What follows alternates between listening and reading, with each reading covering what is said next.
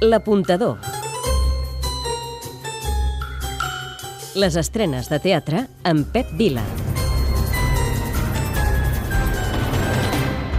Més perills. Després de la pandèmia torna el terrorisme islàmic. No me digas que me he equivocado.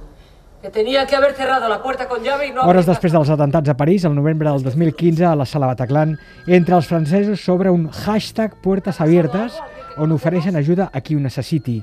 I Juli es trobarà amb una sorpresa. Qué absurdo, ¿no? L'aposta de l'apuntador. Tres motius per veure-la. Tan intrascendente. Y gritaba. El primer, Per la història personal, la protagonista obre casa seva per no quedar-se tancada o per solidaritat. I es troba amb aquesta incertesa.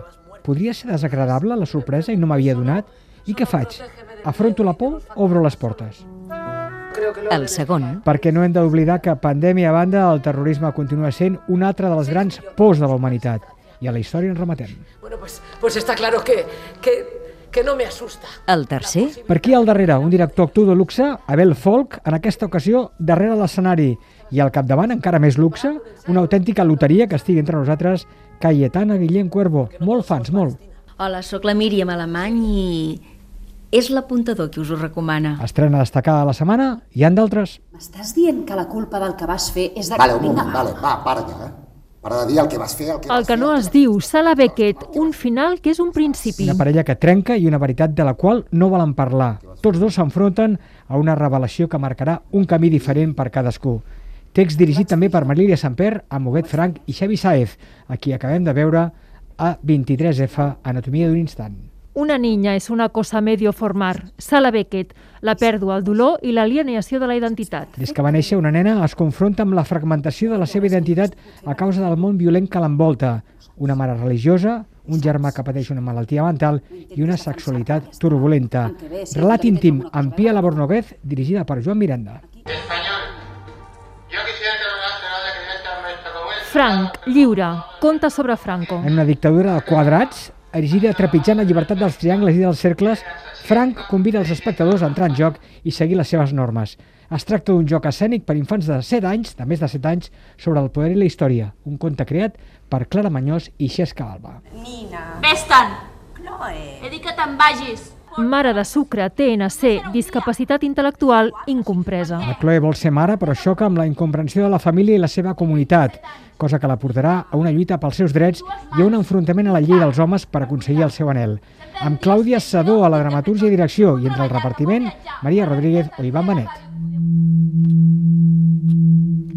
Laboratorios Washbla, Sala Fènix o Hay que matar a papà. Hi ha hagut un cataclisme i la societat està destrossada. Una esperança, la nau d'aquests laboratoris que ha sobreviscut i continua funcionant. Allà, una científica i un home, modificat tecnològicament, recopilen testimonis que un supervivent relata quan es desperta. Saldo de la targeta, 0 euros. Bàsicament del que es tracta és de que no hi ha manera d'arribar a final de mes. Hòstia, Destination Moon, Tantarantana, el viatge de dos germans. Tots dos mantenen una relació simbòlica en un món que sembla que se'n va a fer punyetes. Un fet fa que es desencadenin tensions i que es plantegin les seves vides. És una obra de la companyia Paradiso 99. La vida en pedazos, Gaudí Teatre. Descansem abans de seguir avançant. Això és el que hauria de fer la Carolina, tancada en ella mateixa d'ençà el divorci. Els fills li donen suport i li diuen que demani ajut, però ella s'hi nega. Amb música en directe i dirigida per Xènia Raguant, interpretada per Marta Rivera, Clara Altarriba, Dídac Flores i Marc Flynn. Aquesta setmana, per cert, també es reposen obres tan interessants com 360 grams d'Ada Vilaró a l'escenari brosa i Boira a les orelles, al Maldà Teatre. Les recomanacions. Però aquesta nit aquí estem de dol, també, com a la resta del paral·lel, per la mort de la Palmira Picat. L'emperadriu del paral·lel, TNC, Univers Xavier Albertí, Lluïsa Conillet. La mort de l'estrella del Music Hall Palmira Picard és l'excusa perquè el Paral·lel, centre de la bohèmia nocturna barcelonina de finals dels 20, es donin cita a polítics, artistes, bohemis i tota la classe social que vivia al Raval. El millor. L'escenografia, tant al bar La Tranquilitat com a l'edifici del Raval, els vestits dels artistes dissenyats en el seu dia per la desapareguda Maria Araujo i els números de revista absolutament bestials. El pitjor. Vol explicar moltes coses, mostrar molts personatges tant de l'època i de vegades es queda a mig camí. Un moment per recordar.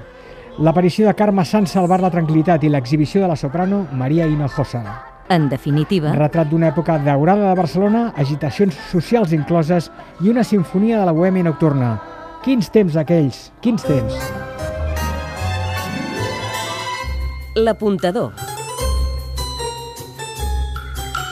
Les estrenes de teatre amb Pep Vila.